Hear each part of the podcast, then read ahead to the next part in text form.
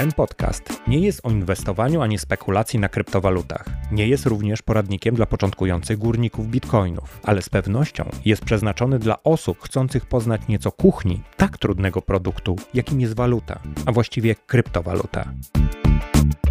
W tym odcinku będziecie mogli posłuchać o tym, dlaczego osoby zajmujące się kryptowalutami odradzają zabawę zapałkami, kogo nazywają wielorybami, jak milisekundy decydują o sukcesie, dlaczego giełda kryptowalut i własny portfel to zajęcie bez przerwy i nie dla każdego.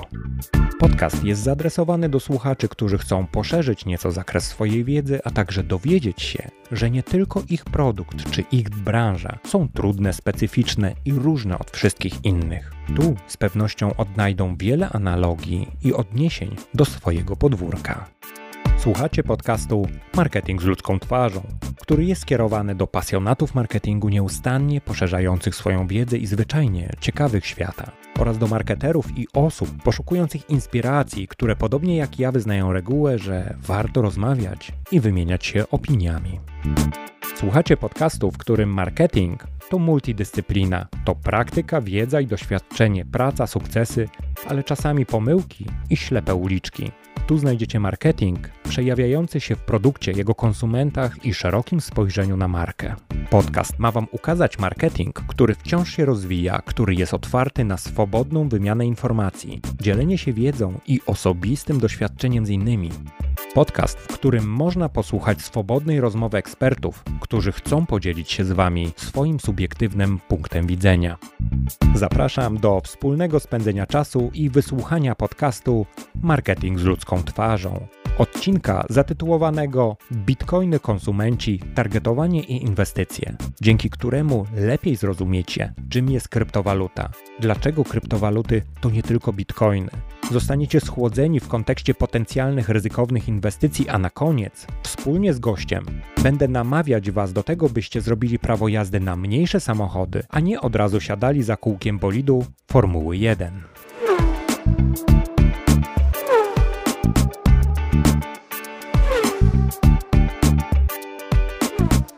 Ja nazywam się Andrzej Wierzchoń, a moim gościem jest Konrad Mroczek, marketing manager kryptowaluty Bitcoin Vault w firmie Electric Vault.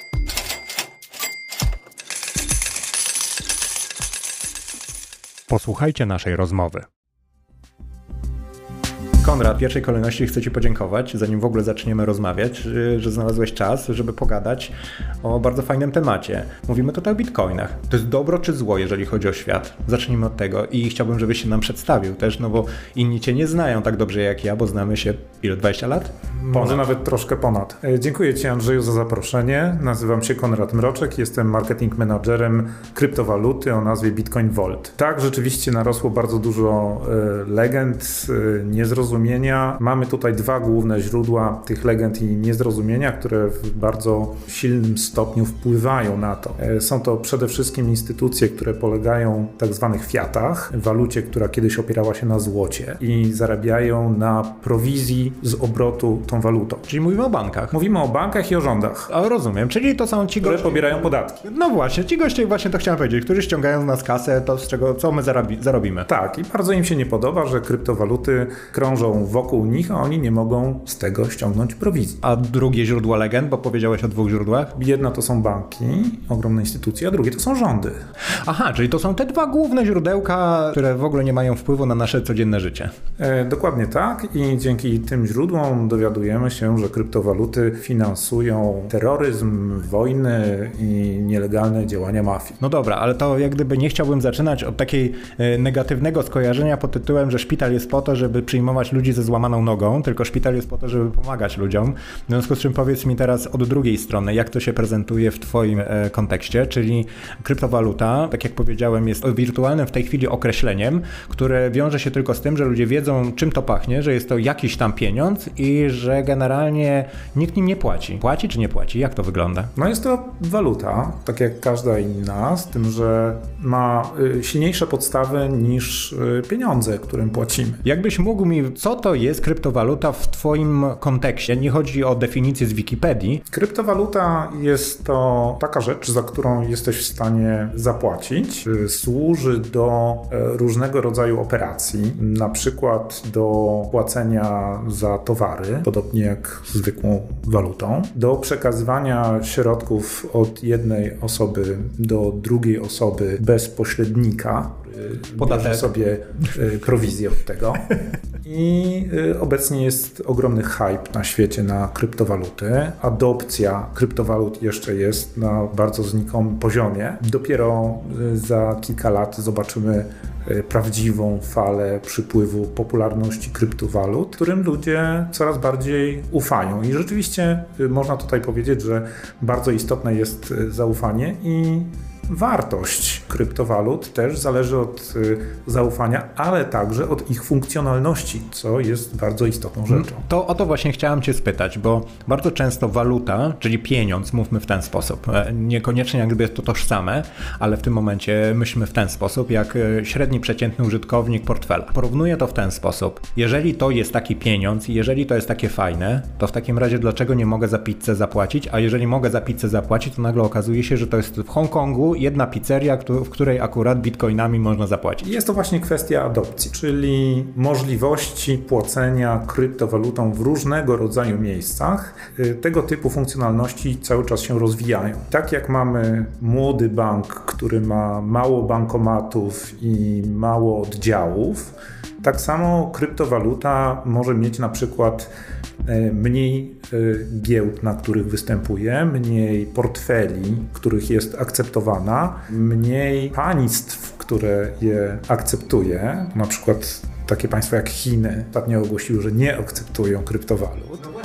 Od razu mi się ciśnie jedno porównanie, mianowicie jak mówisz o tym, że w pewnych miejscach można tym zapłacić, pewne państwa wykluczają użycie jakiejś tam e, waluty, właśnie ze zrozumiałych względów, bo nie mogą jej kontrolować, e, tak jak dobrze Ciebie zrozumiałem na początku, to w tym momencie pojawia się aspekt związany, jeżeli chodzi o użyteczność, Ty to nazywasz adopcją, czyli w tym momencie pojawia się problem bariery utrudniającej tak naprawdę skorzystanie z tego, co udało Ci nazbierać, jak gdyby ta wirtualizacja postępuje. A teraz jak to wygląda, dlaczego Ty od razu na wstępie zaznaczasz, że za chwilę, za parę lat, za chwilę będziemy świadkami boomu, jeżeli chodzi o użytkową stronę y, kryptowalut? E, no tutaj mówimy o tak zwanej użyteczności. W tym momencie, żeby zarejestrować sobie tak zwany portfel, żeby zarejestrować się na giełdzie, przejść KCY, musisz pisać dużo różnego rodzaju rodzaju ciągów cyfr. Nie wszystko jest dobrze y, wyjaśnione, nie wszystko jest intuicyjne.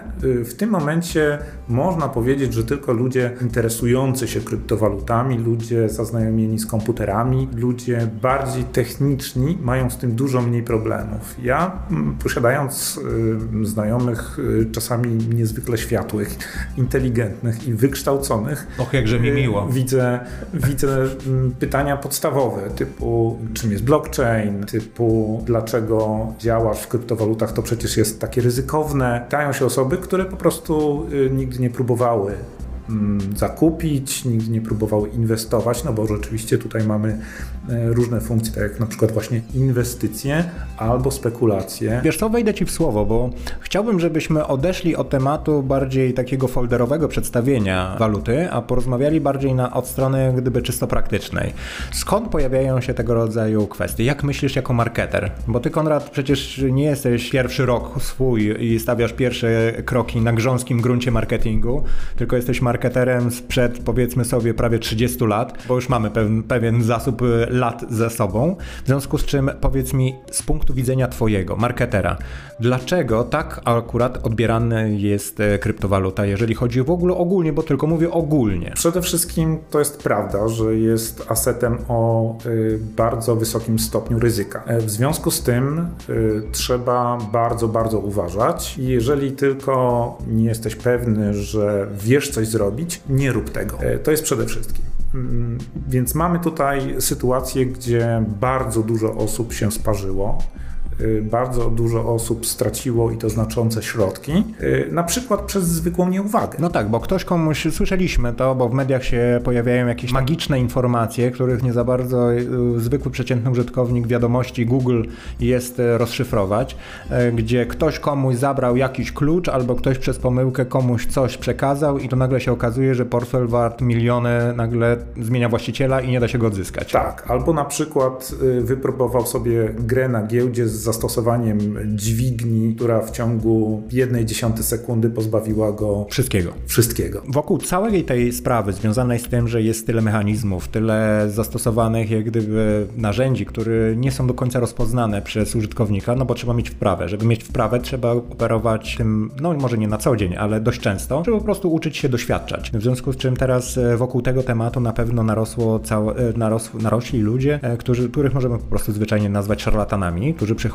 tacy magicy w płaszczu z gwiazdami naklejonymi, z tej czapce, przychodzą do takich ludzi, którzy mówią super, chciałbym zainwestować, bo słyszałem, syn w ogóle się interesuje, mówił, że bitcoiny to super, pan tutaj jest specjalistą, proszę mi tutaj zrobić taki portfel i ja mam tutaj tysiąc dolarów i zaczynam. I ten tysiąc dolarów w tej samej sekundzie praktycznie znika z tego portfela, a pan mówi, to, to się skontaktujemy, no trudno, wie pan, tak, taki mamy klimat. Jeszcze chyba mm, nie zdarzyło się, żeby ktoś mówił, że się skontaktuje. Y, strata jest po prostu stratą i w rynku krypto to jest normalne. Jeżeli stracisz, nie szukaj pomocy. Czyli ta waluta, w ogóle jeżeli chodzi o bitcoiny, opiera się na ryzyku, z tego co rozumiem? Na własnej wiedzy. Na własnej wiedzy, y, z tym, że y, ponieważ jest to y, rynek, który polega bardzo mocno na najnowszych wykonaniach elektroniki, jest bardzo mocno połączony z internetem, bardzo mocno związany z rynkiem programistycznym, to oczywiście mamy tutaj hakerów, troli, haterów, shillerów, hodlerów, stakerów i jakby cały świat y, bardzo trudno rozpoznawalnych nazw i y, rzeczywiście można się w tym gąszczu pogubić. No, ale jeżeli na to wszystko spojrzymy, to w rzeczywistości to jest po prostu nowa nazwa na złodziej, oszust y, i tak dalej, i tak dalej. W związku z czym jak gdyby przyjmujmy tylko i wyłącznie nomenklaturę, która nam jest znana, a została rozszerzona o nowe pojęcia, no bo nowe narzędzia weszły, prawda? No bo do tego to się sprowadza de facto. Tak, rzeczywiście jest to branża o nazwie fintech, która jest bardzo podobna do branży bankowej, e, no bo też mamy kredyty, mamy przewalutowania, e, mamy lokaty długo i krótkoterminowe. Y, mamy tak zwane ICO, które są po prostu zwykłym IPO na rynku giełdowym. No i trzeba po prostu dużo czytać, trzeba się pytać, zanim coś zrobimy, bo wszelkiego rodzaju eksperymenty odbywają się na naszej gotówce. Chciałbym z Tobą porównać dwie historie. Mianowicie, jesteśmy w tej chwili uczestnikami świata, który ma wpisane niemalże w DNA, to nowe DNA e, świata cyfrowego, natychmiastowość. Równie natychmiastowo można oczywiście stracić te pieniądze, ale to nie o to chodzi. Mamy natychmiastowość związaną z tym, że ludzie oczekują po prostu natychmiastowości w wielu aspektach y, albo przejawach swojej aktywności, czy to zakupy, czy kwestia, żeby szybko paczka na przykład dotarła na przykład już jutro, albo jeszcze dziś, tak jak Amazon robi dostawy w niektórych krajach. Ale z drugiej strony, ty mi mówisz tutaj, że przy tej walucie trzeba poświęcać czas, bo y, z tego co ja wiem, trzeba kopać tę walutę, albo można korzystać z tego, co już zostało gdzieś tam wykopane, albo manipulować danymi, które się posiadło w jakiś cudowny sposób, ale z drugiej strony mówisz o tym, że trzeba czytać, wiedza, nauka, to przecież wszystko jest czas, to wszystko musisz poświęcać, to nie jest kwestia tylko i wyłącznie wyczucia, nosa, umiejętności matematycznych i tak dalej. Mógłbym to porównać do doświadczenia kierowcy. A jeżeli jesteś kierowcą o wieloletnim doświadczeniu, potrafisz e, jeździć szybko, wykonywać prawidłowe zwroty, żeby jeździć bezpiecznie. Podobnie tutaj. Natomiast oczywiście możesz działać krótkoterminowo, ale możesz działać też i długoterminowo. Najlepszym tego przykładem jest to, że rynek kryptowalut jest rynkiem deflacyjnym, a nie rynkiem inflacyjnym. To wytłumacz właśnie, na czym to polega? Wartość pieniądza, tak zwanych fiatów, zwykłego pieniądza, drukowanego przez rządy i y, banki, podlega inflacji czyli z czasem traci wartość. Natomiast kryptowaluty są deflacyjne, ponieważ y, kryptowaluty są spalane i jest ich tylko i wyłącznie określona ilość. Bitcoina będzie 21 milionów i ani jednego bitcoina więcej, y, jeżeli wszystkie zostaną wykopane.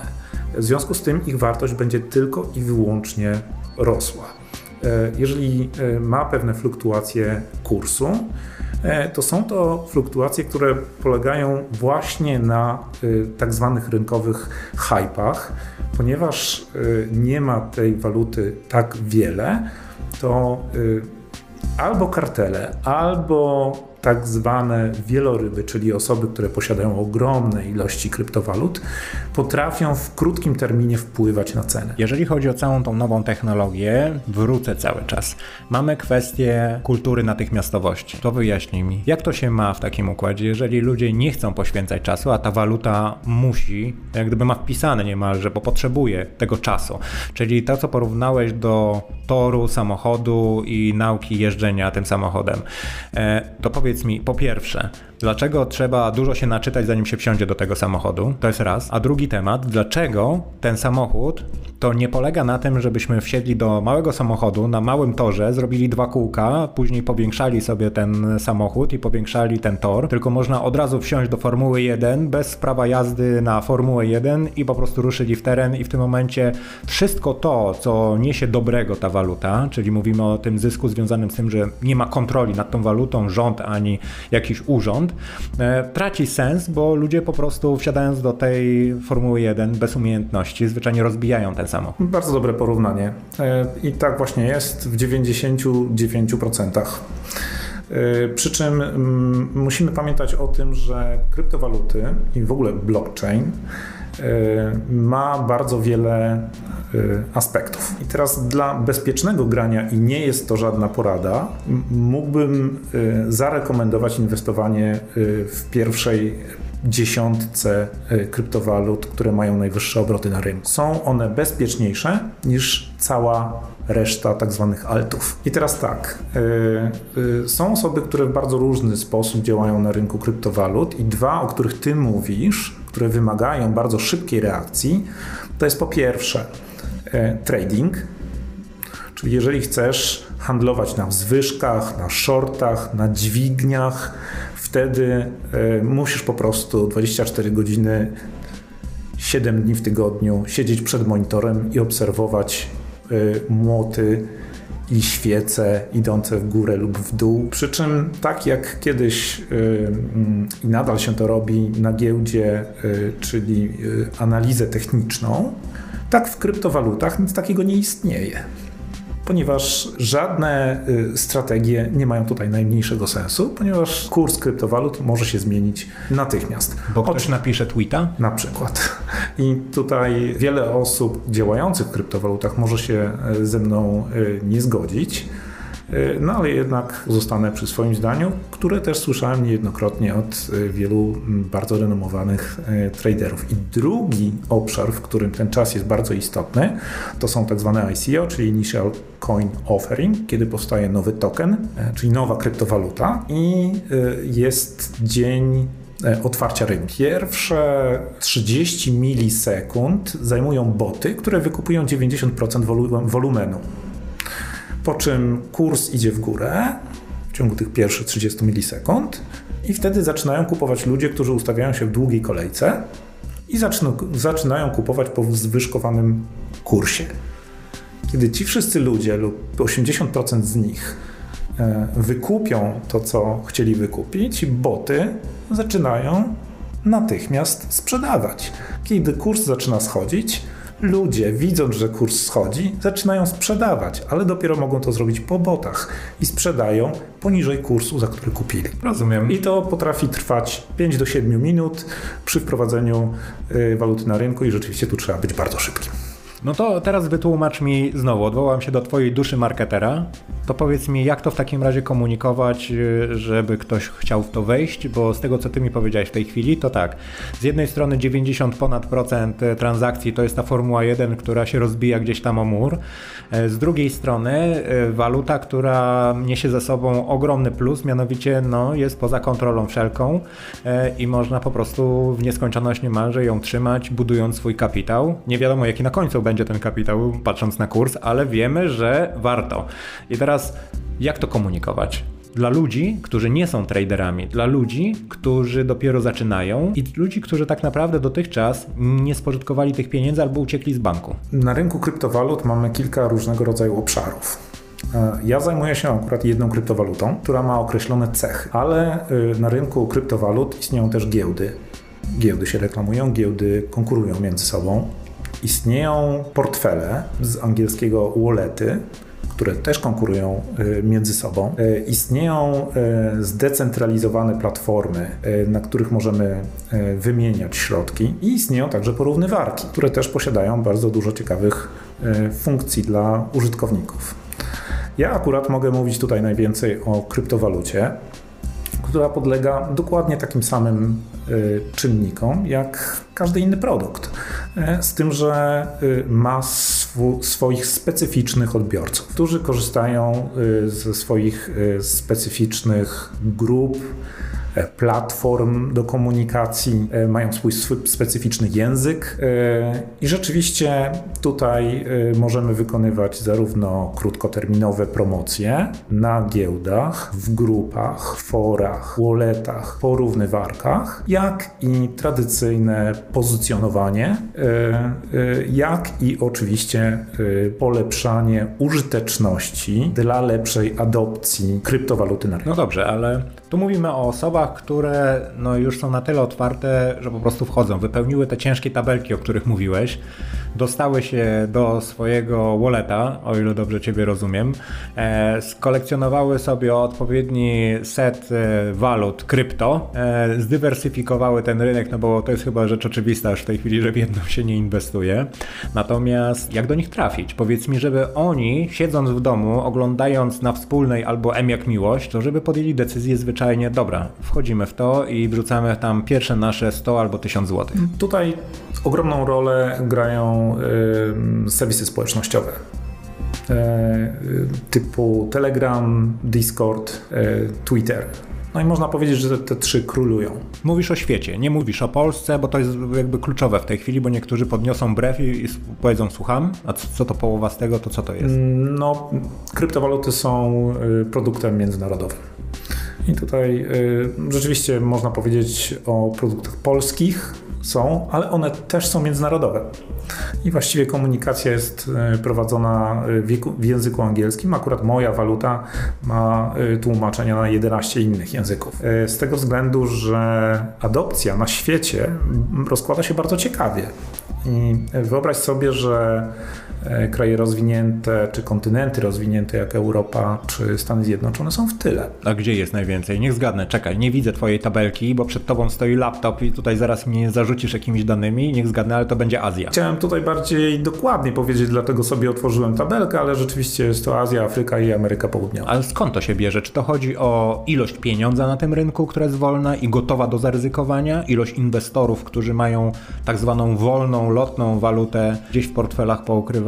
Po to, żeby właśnie zwiększyć swoje zyski potencjalnie? Czy chodzi o to, że są po prostu zwyczajnie bardziej otwarci na nowe rozwiązania finansowe? W wielu miejscach, na przykład w Afryce, nie ma banków, więc twoim bankiem jest twój telefon. A ponieważ nie chcesz działać y, przelewając swoje środki, płacąc prowizję, robisz to za pomocą kryptowaluty. Czyli tak naprawdę nic się tobie nie zmienia. Masz walutę tak i tak e, cyfrową, bo nie dotykasz pieniądza, w telefonie robisz wszystkie operacje, aplikacja załatwia za ciebie całą resztę i to tyle. Azja no, są, to są rynki niezwykle rozwinięte, a kryptowaluta no, jest niezwykle nowoczesnym i trendy środkiem y, płatniczym. Z reguły w Azji powstaje bardzo wiele y, nowoczesnych y, pomysłów, które potem rozprzestrzeniają się po reszcie świata. Korea Południowa czy Japonia są tutaj niezwykle zaawansowane. Tam są największe wolumeny no dobrze, ale wiesz co, y, odejdźmy teraz od jakby systematyki, tabelek i mapek. Natomiast zastanówmy się jeszcze nad dwoma rzeczami, bo mnie, no byłbym chyba, nie byłbym sobą, gdybym ciebie nie spytał o ryzyko, dlatego że lubię ryzyko i lubię brak ryzyka. Oba te stany mi bardzo odpowiadają. W związku z czym nie interesuje mnie tylko coś, co jest e, super stabilne pomiędzy jednym a drugim. Nie wiem, czy taki stan ktoś kiedyś e, osiągnął. Patrząc na tę walutę, nie chcę sensacyjnego określenia ryzyka związanego z kryptowalutą, bo to Super Express bardziej, albo jakaś inna, równie wysublimowana gazeta lub też publikator. Natomiast chciałbym się zastanowić z Tobą nad e, dwoma aspektami, mianowicie bezpośrednią konkurencją, czyli bankami, które cały czas kombinują, albo operatorami na przykład kart, którzy teraz nasilili kwestię związaną z wirtualizacją waluty jako taką, to jest raz. A drugi temat, czy niesie ze sobą zagrożenie na przykład e, wykorzystanie nowych technologii, mówię tutaj o komputerach kwantowych. Pierwsza rzecz, y, banki i rządy nie są konkurencją dla kryptowalut. Y, kryptowaluty y, już zadomowiły się w naszym świecie i one tutaj pozostaną, niezależnie od tego, co rządy i banki będą robiły. Konkurencją dla jednej kryptowaluty jest druga kryptowaluta i szybkość ich rozwoju. Natomiast miejsca na rynku jest strasznie dużo, ponieważ tych środków przelanych na kryptowaluty wcale nie jest jeszcze aż tak dużo na świecie to jest chyba 3 tryliony dolarów. Z? Z całości e, gotówki, jaka jest na świecie. 3 tryliony. 3 tryliony dolarów to jest e, około tam, no, załóżmy poniżej 15% e, wszystkich środków walutowych. No, zdecydowanie, zdecydowanie. I ta ilość będzie rosła. Można powiedzieć, że hype na kryptowaluty spowolnił negatywny efekt pandemii, czyli wszystkie dodrukowane pieniądze przez państwa i banki na e, wsparcie przedsiębiorstw nie spowodowały aż tak e, dużego efektu inflacyjnego, ponieważ e, bardzo wiele osób uciekając od walut typu fiat, czyli od zwykłych pieniędzy, bojąc się zmniejszenia ich wartości, zaczęło inwestować w kryptowaluty. O czym nie mówią? Mówią i właśnie bardzo się tego boją, ponieważ zaczną tracić rynek. Drugie pytanie dotyczyło zastosowania, e, znaczy ryzyko związane z zastosowaniem nowych technologii. Tutaj mówię o komputerach kwantowych, czyli niesamowitej mocy obliczeniowej i kwestii związanej może nie z samym hakowaniem kont i tak dalej, chociaż myślę, że wcześniej czy później hakerzy e, osiągną ten próg, że będą korzystać z komputerów kwantowych i mocy obliczeniowej, jaka płynie za nimi. Natomiast e, chodzi o przewidywanie rynków, szukanie trendów, czyli coś, co dotychczas było nieprzewidywalne ze względu na na szybkość działania, a teraz już będzie osiągalna ze względu na no, moce, które jak gdyby nie były do tej pory w jakikolwiek sposób nawet policzalne. Dobrze wiesz, Andrzeju, że komputer kwantowy y, możemy sobie jak na razie stawić między bajki. Czyli jest to kwestia powiedzmy sobie 10 lat pewnie albo 5 lat, no żebyśmy tak nie wybiegali. Jeśli taki komputer e, kwantowy się pojawi, w bardzo wielu publikacjach mówimy, że Google posiada komputer kwantowy, że Chiny posiadają komputer komputer kwantowy. Są nawet firmy w Szwecji, chyba z tego co czytałem, które produkują na sprzedaż komputery kwantowe. Okej, okay. chętnie bym kupił jeden. Custom, można custom podobno y, kupić. E, natomiast y, zdajemy sobie sprawę, że komputer kwantowy mm, przewiduje wszystkie możliwości. Po drugie, y, zużyłby tyle prądu, co chyba całe państwo, żeby te wszystkie możliwości przewidzieć. No innymi słowy, zastosowanie tych komputerów na razie nie będzie miało jakiegoś mocnego sygnału dla inwestorów, że niesie to ze sobą jakiekolwiek ryzyko. Czyli można to odłożyć jako bajkę i niepotrzebny w ogóle nurt dyskusji. No, myślę, że tak. Po pierwsze, bank, który by zastosował komputer kwantowy, stałby się największym bankiem e, na świecie w ciągu jednej sekundy. Państwo, które by posiadało komputer kwantowy, stałoby się natychmiast mocarstwem. Co więcej, jeśli e, komputer kwantowy w jakikolwiek sposób by zaczął rozwijać sztuczną inteligencję, która jeszcze też nie istnieje tak samo jak y, komputer kwantowy. Czyli odłóżmy to jako dyskusję, powiedzmy sobie, jak się spotkamy i będziemy rozmawiać o kryptowalutach za 20, 15, 10 lat i wtedy dopiero ustalimy sobie, czy to ma sens, czy nie w przyszłości, wówczas. Ale wróćmy teraz do głównego nurtu, y, jeżeli chodzi o nasze rozmowy i cały czas chciałbym od Ciebie uzyskać y, tę informację, w jaki sposób w ogóle komunikować tę walutę, bo wiesz co, dla mnie troszeczkę to przypomina taki dział, gdzie jest zamknięty klub właśnie tych kierowców rajdowych, którzy pokazują, jak się fantastycznie jeździ, e, tylko pokazują na martwych zdjęciach, nie na filmikach. E, wszyscy doskonale mówią: Wow, fantastycznie, ktoś zarobił w ogóle 10 zyliardów swoich jakiejś tam waluty, e, ale nagle się okazuje, że ten ktoś jednym posunięciem kogoś innego traci natychmiast połowę z tego, albo jedną przez jedną milisekundę na przykład zostały mu urwane jakieś tam raptem parę, parę milionów. Dlaczego tak to się odbywa? Dlaczego tego rodzaju komunikacja komunikaty poza sensacyjnością przenikają do ogólnej świadomości, natomiast nie przenikają zalety tych y, walut do ogólnej świadomości. Jak wcześniej powiedziałem, jest to kwestia edukacji i zdobywania wiedzy, mm, ale takie podstawowe nurty y, można wymienić jak y,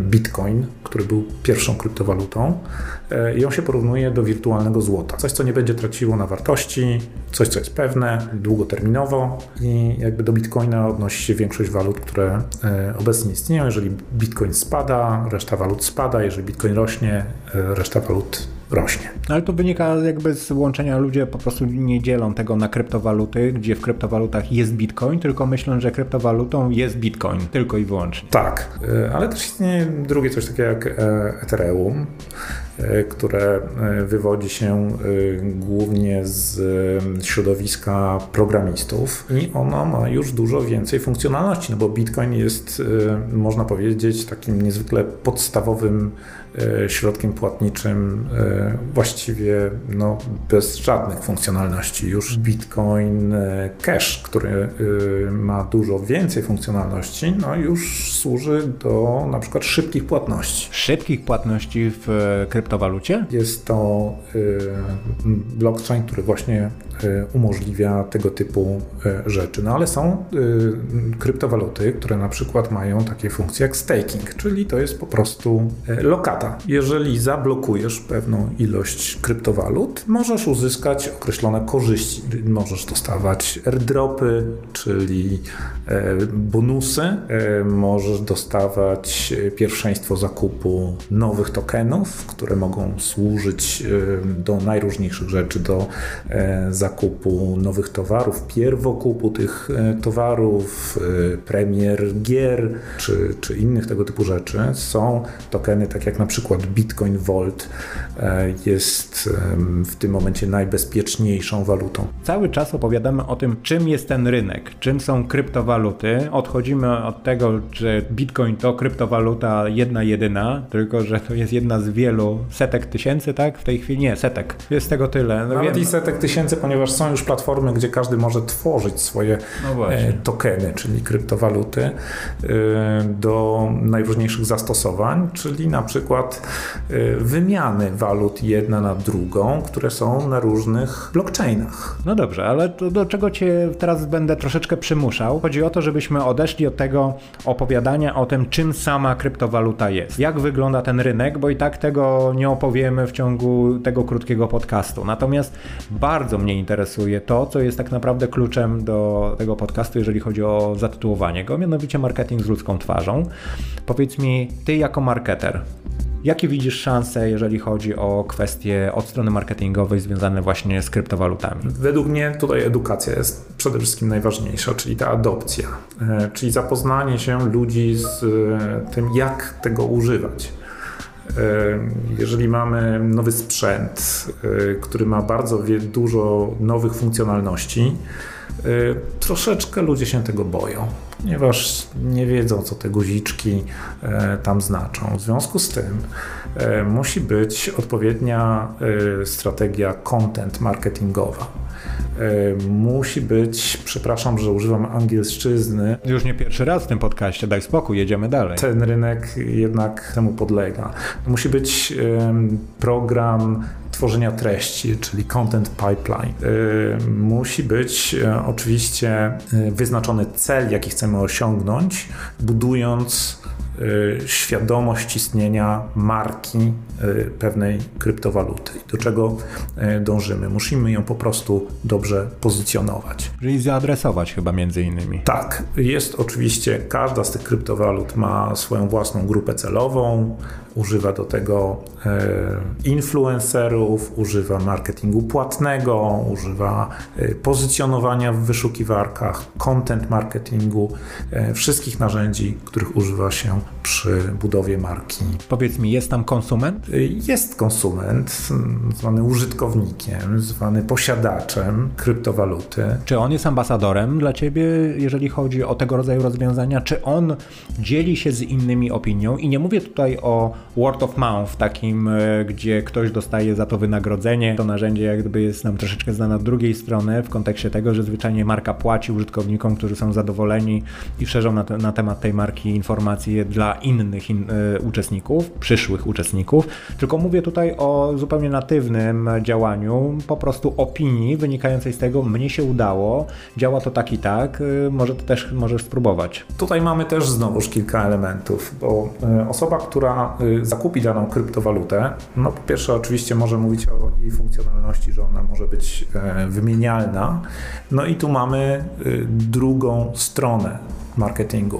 Marketing w kierunku adopcji waluty przez giełdy i wallety, czyli mamy tak zwane B2B, czyli e, w rozumieniu normalnych produktów są to hurtownie, które rozpowszechniają e, walutę na rynku.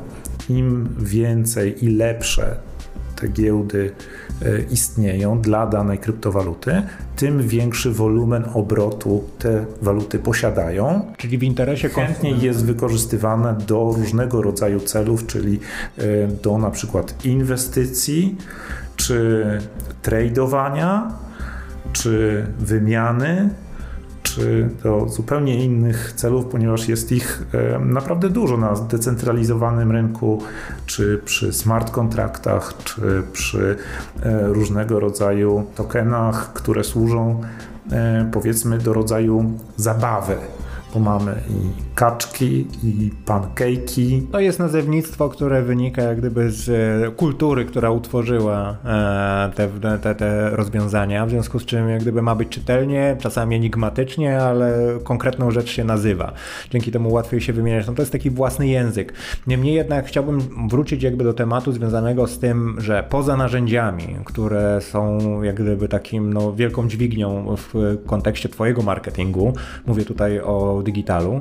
Pytanie, czy w tym digitalu jest to miejsce właśnie dla zwykłego konsumenta, który zwyczajnie oddziałuje na innych e, konsumentów, e, przyszłych konsumentów tego rynku. Czy jesteś w stanie poprzez to w jakikolwiek sposób wpływać na popularność danej waluty, czy jest to wynik po prostu tylko i wyłącznie mechanizmów związanych z porównywarkami, e, czy jakimiś innymi mechanizmami, gdzie po prostu w owczym pędzie wpadają po prostu konsumenci, potencjalnie szukając okazji? Oczywiście, że tak.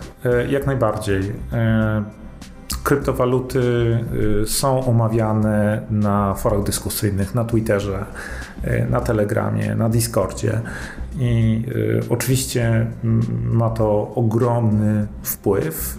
Jest termin shilowanie. Wiele społeczności, które trzeba aktywizować, żeby mówiły o danej walucie, właśnie używa takiego terminu jak shill, czyli popularyzowanie. Shillowanie, podobnie jak hodlowanie, może spowodować wzrost wartości tej waluty. Czyli w interesie tych konsumentów jest dzielenie się e, wiedzą o niej z innymi konsumentami? Tak i rozpowszechnianie pozytywnego wizerunku dla danej kryptowaluty. No nie mogę cię nie spytać, a to nie jest trochę manipulacja? To znaczy to nie jest troszeczkę, nie szukam absolutnie tutaj sensacji, tylko bardziej próbuję dojść do tego, czy to nie jest tak, że ten rynek wtedy napędza się tą sztucznie budowaną pozytywną informacją o bitcoinach po to, żeby ktoś chytrze wykorzystał tę, tę wiedzę. Przytoczę e, zdarzenie, które ostatnio się stało, kiedy to Ronaldo e, zdjął podczas konferencji prasowej butelkę Coca-Coli. Wtedy widzieliśmy kilkuprocentowy spadek wartości akcji Coca-Coli.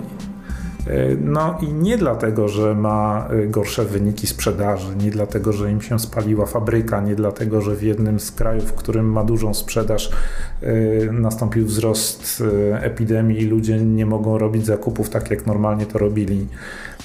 Nie, było to po prostu działanie influencera, który spowodował spadek wartości. Świetnie, że przytaczasz ten przykład, dlatego że paradoksalnie, będąc otoczeni tego rodzaju informacjami, nie zwracamy uwagi uwagi już w tej chwili na siłę oddziaływania tego rodzaju ruchów, zdarzeń i nie przypisujemy im aż takiej roli, jeżeli chodzi o manipulację e, wartością nawet spółek całkowitych. Mówię tutaj o na przykład, nie wiem, firmie, który, przy której okazuje się, że jeden z influencerów influencerów zaczyna połykać jakieś tam kapsułki do prania, e, a ta firma przez rok musi wydłubywać jak gdyby ten, ten content z sieci, edukować, edukować, edukować i naprawiać straty, które wynikły z tego. Kwestia Pepsi czy Coli, która została zdjęta przez tego czy innego sportsmena, który jest autorytetem na swój sposób dla, dla rzeszy ludzi. Podobnie jest kwestia w drugą stronę, pozytywną, czyli wpływania pozytywnego, czyli noszenia na przykład konkretnej odzieży czy konkretnych gadżetów e, i osadzania ich w świadomości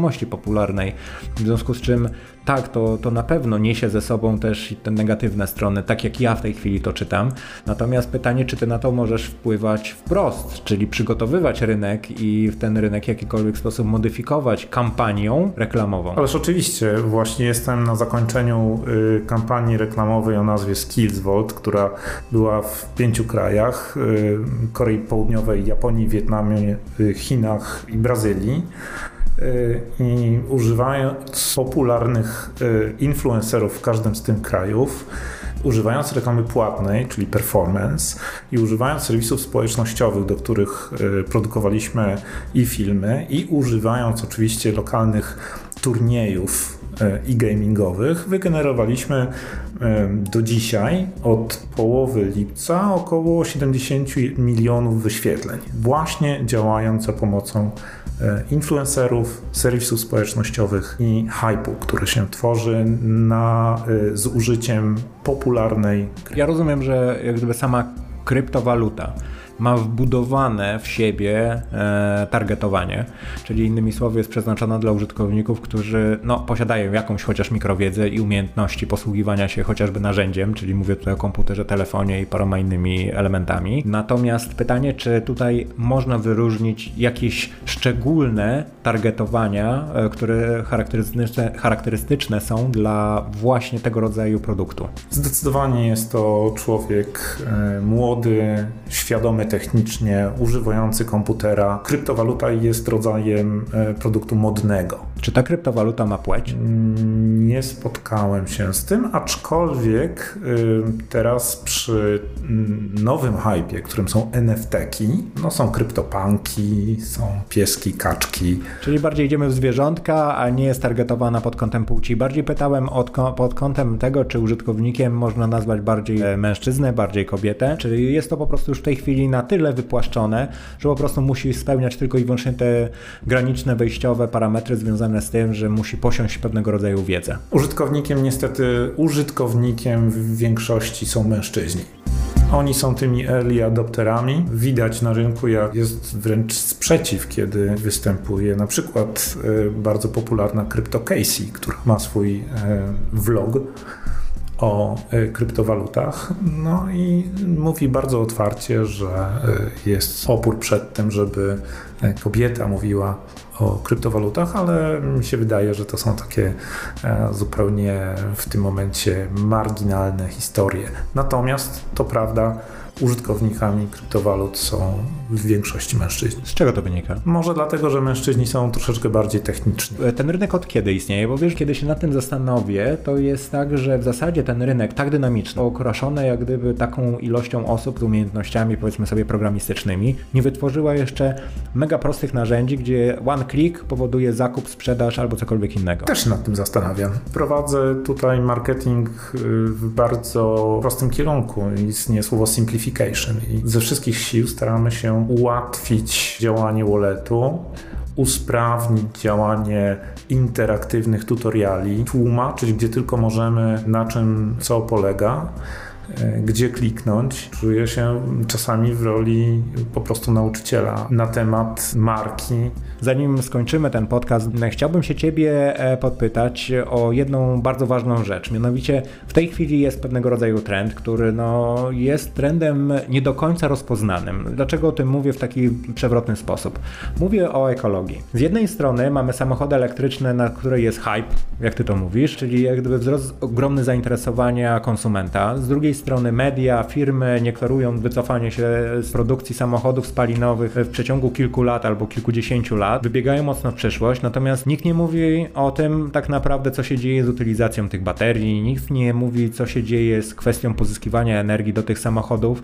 I nie mówię tutaj z poziomu ekofrika, bo nim nie jestem, przynajmniej jeszcze mnie na to nie stać, bo to jest dość drogie rozwiązanie, przynajmniej dla mnie, jak się zaczynam w to zagłębiać finansowo. W drugą stronę pytanie, przecież te kryptowaluty to są gigantyczne nakłady energetyczne związane z obsługą całej infrastruktury, z której mało kto sobie zdaje sprawę. Gdzie tu przyszłość? Czy czekamy na jakieś źródło nieskończonej energii, które pozwoli rozkwitnąć kryptowalucie, czy po prostu będziemy się liczyć z tym, że ta kryptowaluta będzie drożeć, no bo energia będzie drożeć? Powiedzmy sobie szczerze, że świat y, jest coraz bardziej energochłonny. Tej elektryczności jest potrzeba wszędzie.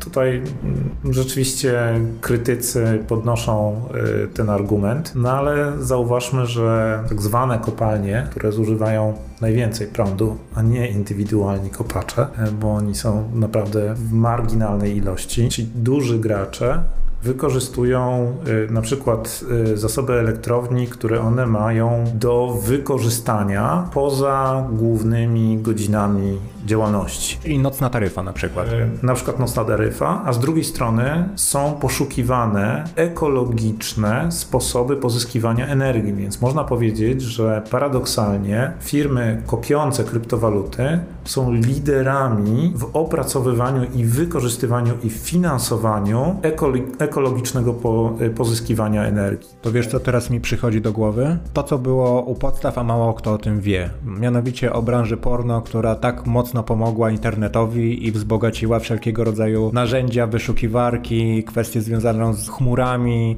teraz z VR i parę innych rozwiązań i tak dalej, i tak dalej. No bo tak naprawdę tam są pieniądze, a tutaj mamy kryptowalutę, która jest pieniądzem i gdzie jest jak gdyby ten właśnie słynne parcie związane z posiadaniem. Powiedz mi, czy są jakieś jakieś zachowania związane z synkiem, jeżeli chodzi o predykcję, bo to mnie najbardziej interesuje. Nie chodzi o to, żeby zdradzał jakieś wielkie tajemnice, tylko jeżeli chodzi o próby kontroli. Co, jak sądzisz, może nastąpić w momencie, kiedy jakiś rząd, na przykład tak jak Chiny, powiedzą, że nagle przestają tolerować tego rodzaju walutę, albo nie wiem, może ktoś wpadnie na pomysł, że jest to karalne. No, rząd Chin, e, zabraniając kryptowalut, posiada własną kryptowalutę. To jest jedna rzecz. Nie można posiadać e, kopalni, ale można mieć na przykład data center, które robi dokładnie to samo. Plus, y, jeżeli jeden kraj zabroni, to inne nie. I wszystkie kraje na świecie nie zabronią. Więc kryptowalutę będziemy mogli y, przesyłać, ona nie zniknie, nie zostanie wzięta w kaganiec przez świat, ponieważ jest to niewykonalne. Będą to po prostu mm, kraje,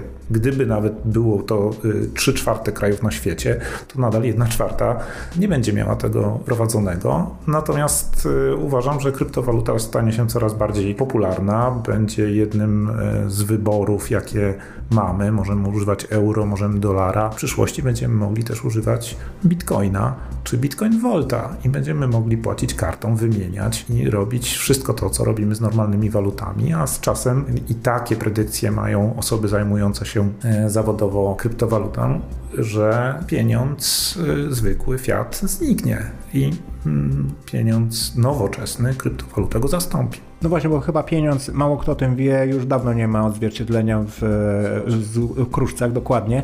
Natomiast nikt się tym po prostu zwyczajnie nie interesuje. Wokół zwykłych walut, takie odnoszę wrażenie, bardziej to skomentuję, że ja obserwując ten rynek, nie będąc jego uczestnikiem jeszcze póki co, przynajmniej na taką skalę, jaką bym chciał, zwyczajnie obserwuję bardziej ten e, sensacyjny nurt informacyjny związany z kryptowalutą i zastanawiam się, kiedy zwyczajnie obudzimy się w świecie i powiemy, o, nie, mamy kryptowalutę w portfelu i już właściwie korzystamy, jest to dla nas naturalne.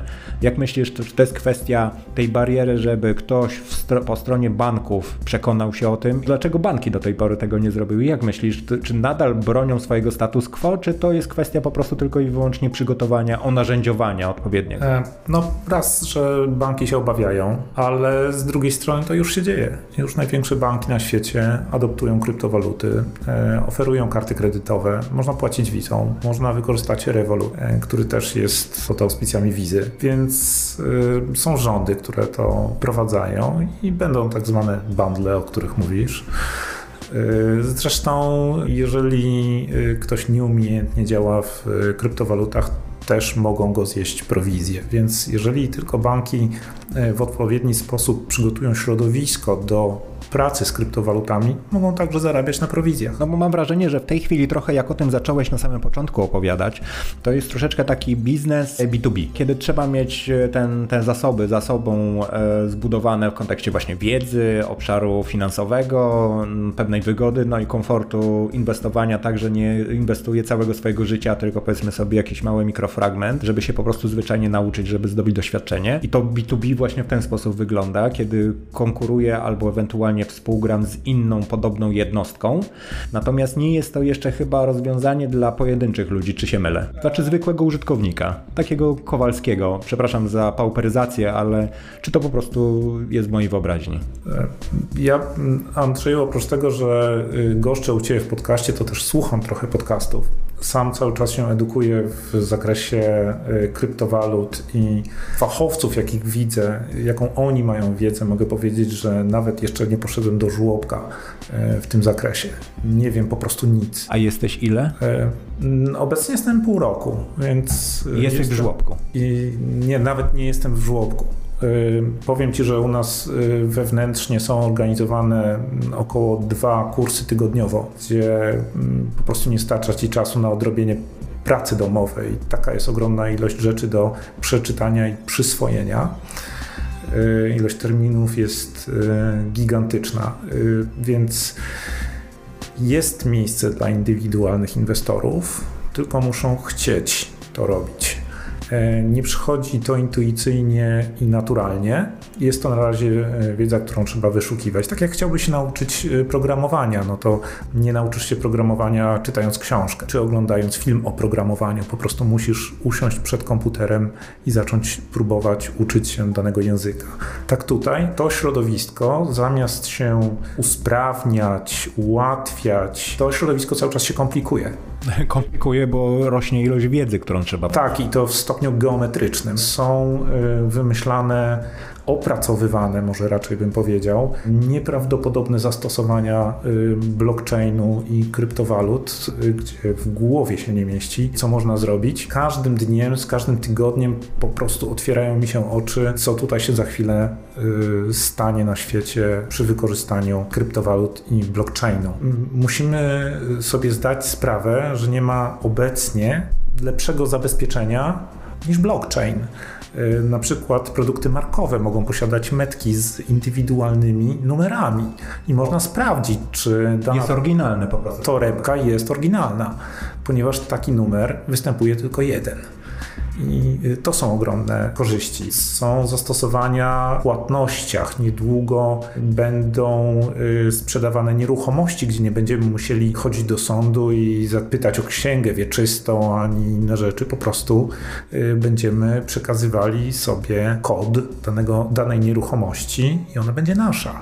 No, myślę, że już doświadczamy tego wszystkiego, bo dotknęliśmy problemu w okresie COVID-u chyba już wszyscy tak naprawdę podpisów cyfrowych y, i wiemy doskonale, że kiedyś coś było niewyobrażalne w momencie, kiedy wbijasz kod na klawiaturze, twój dokument się podpisuje, ktoś musi uwierzyć, że ten kod został potwierdzony przez twój bank czy urząd państwowy itd. Tak itd. Tak Natomiast e, to jest rewolucja, e, mało odczuwalna, bo weszliśmy w nią może raptownie, ale dość miękko, dlatego że te narzędzia już wcześniej były i coś ktoś gdzieś słyszał. Natomiast powiedz mi, czy właśnie idąc tym tropem rewolucyjnym, idąc też tym tropem, który wcześniej też sam podniosłeś, że będziemy sobie kody przekazywać kupując nieruchomości, e, czy jakieś ruchomości, kryptowaluta zwyczajnie już tak naprawdę nie wywoła dużej rewolucji, jeżeli chodzi o rynek, czy pojawią się jakieś kompletnie nowe zastosowania, czy nowe obszary, w który, które do tej pory nie mogły zaistnieć, dlatego że nie było takich właśnie kryptowalut. Tak, powstają. Powstają yy, i y, rozpowszechniają się na rynku. Y, myślę, że y, zostaną wprowadzone specjalne programy nauki, nawet w szkołach podstawowych, jeśli chodzi o zastosowanie kryptowalut i to powinno stać się jak najszybciej, żebyśmy nie pozostali z tyłu